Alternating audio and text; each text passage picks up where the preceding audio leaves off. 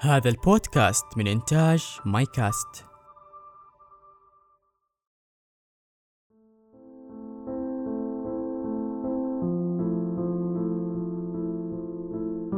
مرحبا أنا عامر وهذا بودكاست جرعة أمل.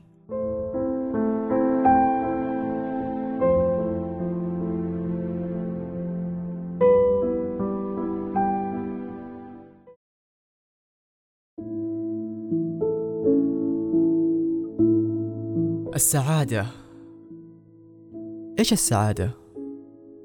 كثير من الفلاسفة حاولوا تعريف السعادة ونسبيا اختلفوا في صياغة معنى السعادة. يرى مارتن سيليجمان أحد الفلاسفة أن السعادة هي النظير للأسلوب الناجح في التعامل مع فترة أقصر وأهداف أقل. كل شخص فينا يسعى للسعادة وكلنا نحتاج نكون سعداء بلا استثناء. نختلف فقط في صنعنا للسعادة ومفهومنا عن السعادة. البعض ممكن يفكر ويقول إن السعادة بتزيد كل ما زاد رضا الشخص عن ذاته. والبعض الآخر ممكن يقول إن السعادة هي راحة البال وخروج الإنسان من دائرة الراحة بدون أي ضغوطات أو حتى تراكمات. وطبعا كل شخص واعتقاده للسعادة وصنعها. والمعنى اللي نقصده بدائرة الراحة دائرة أو منطقة في حياتنا مليانة حالات روتينية معتادين عليها ونفعلها بدون أي جهد أو تفكير. والبعض يخشى الخروج منها بسبب الخوف أو الكسل ومسببات كثيرة جدا. أغلبنا يخاف من تغيير نمط حياته والعقل البشري في العادة هو عضو كسول نوعا ما. وبرضه ممكن الحالات هذه توضح للإنسان إنه هو عايش سعيد بينما الواضح العكس تماما أو بدون شعور نوعا ما. صحيح ممكن نكون خرجنا عن إطار موضوعنا لكن السعادة تبدأ من الداخل.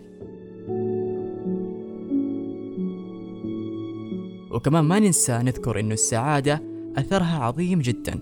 ممكن تكون حاجة بسيطة تسويها لشخص لكن الشخص هذا حيشوفها حاجة كبيرة. كفاية البسمة اللي حترسمها في وجهه. هذا غير الأثر الطيب والجميل اللي حتتركه في هذا الشخص.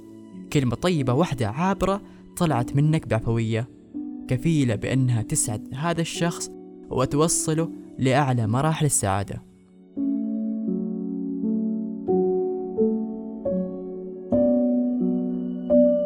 وغالبا السعادة هي شعور داخلي وإيجابي تتمحور حول الرضا والفرح.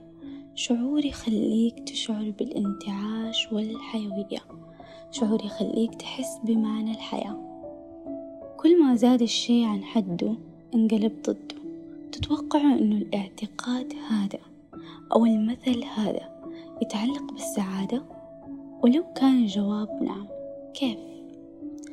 كلنا نعرف إنه لذة الحياة ما تبان إلا لما نطيح مرة ونقوم مرة وننكسر من جهة وننجبر من جهة تانية.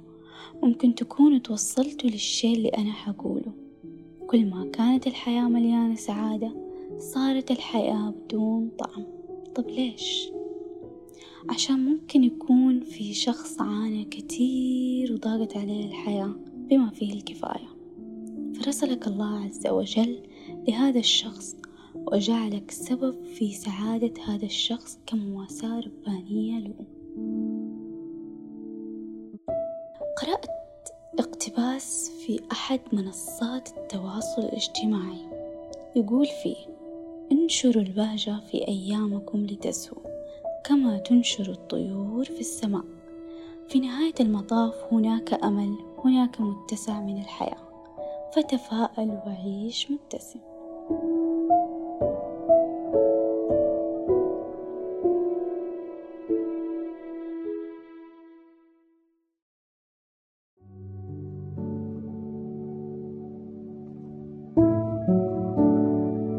أخيرا كلنا نقدر نكون صناع للسعادة ونصنع الأمل والفرح لنا وللي حولنا. نعطي مثال بسيط لأكثر ناس إحنا لازم نسعدهم بالذات حاليا ولو بدعوة. وهم أمهاتنا وأخواتنا بما إننا على آخر أيام شهر رمضان الفضيل. ما ننسى إن طول هذا الشهر أكثر اثنين بيتعبوا هم الأم والأخت. ما يمنع لو تسعدهم دعوة كلمة حلوة قبلة على الجبين ساعدهم. فوق ما إنك حتسعدهم حتكسب أجر لأنك زرعت في قلبهم السعادة. ومين يكره يشوف البسمة والفرحة على وجه أمه وأخته؟ لكل أم وأخت أسأل الله العظيم أن يحفظكم ويبارك في أعماركم ويجعل أياديكم ما تمسها نار.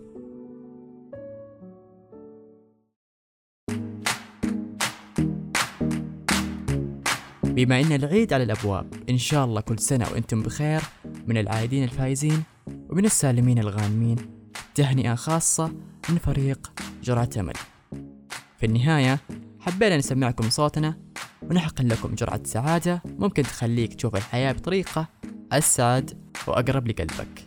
عزيزي المستمع كون بخير. أضحك.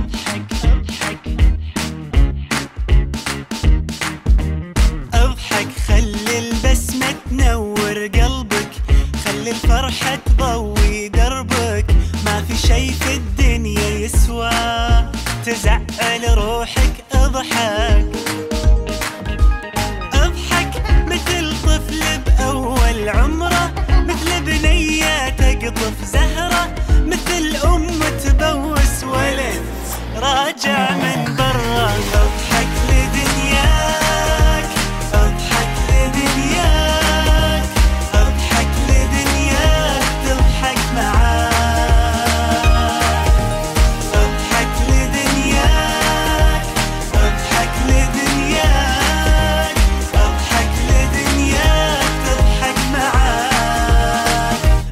اضحك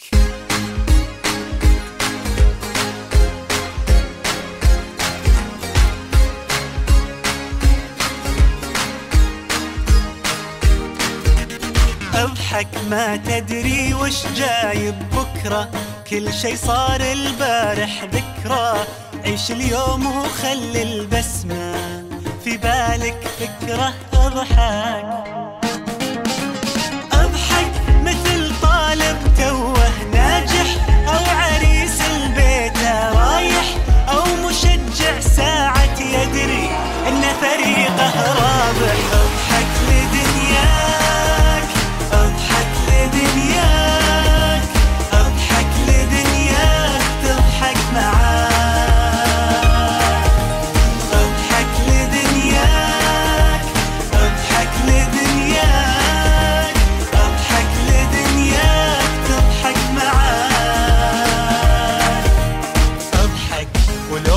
صيفك حار اضحك حتى لأبعد جار اضحك ليل مع نهار اضحك لو مهما صار.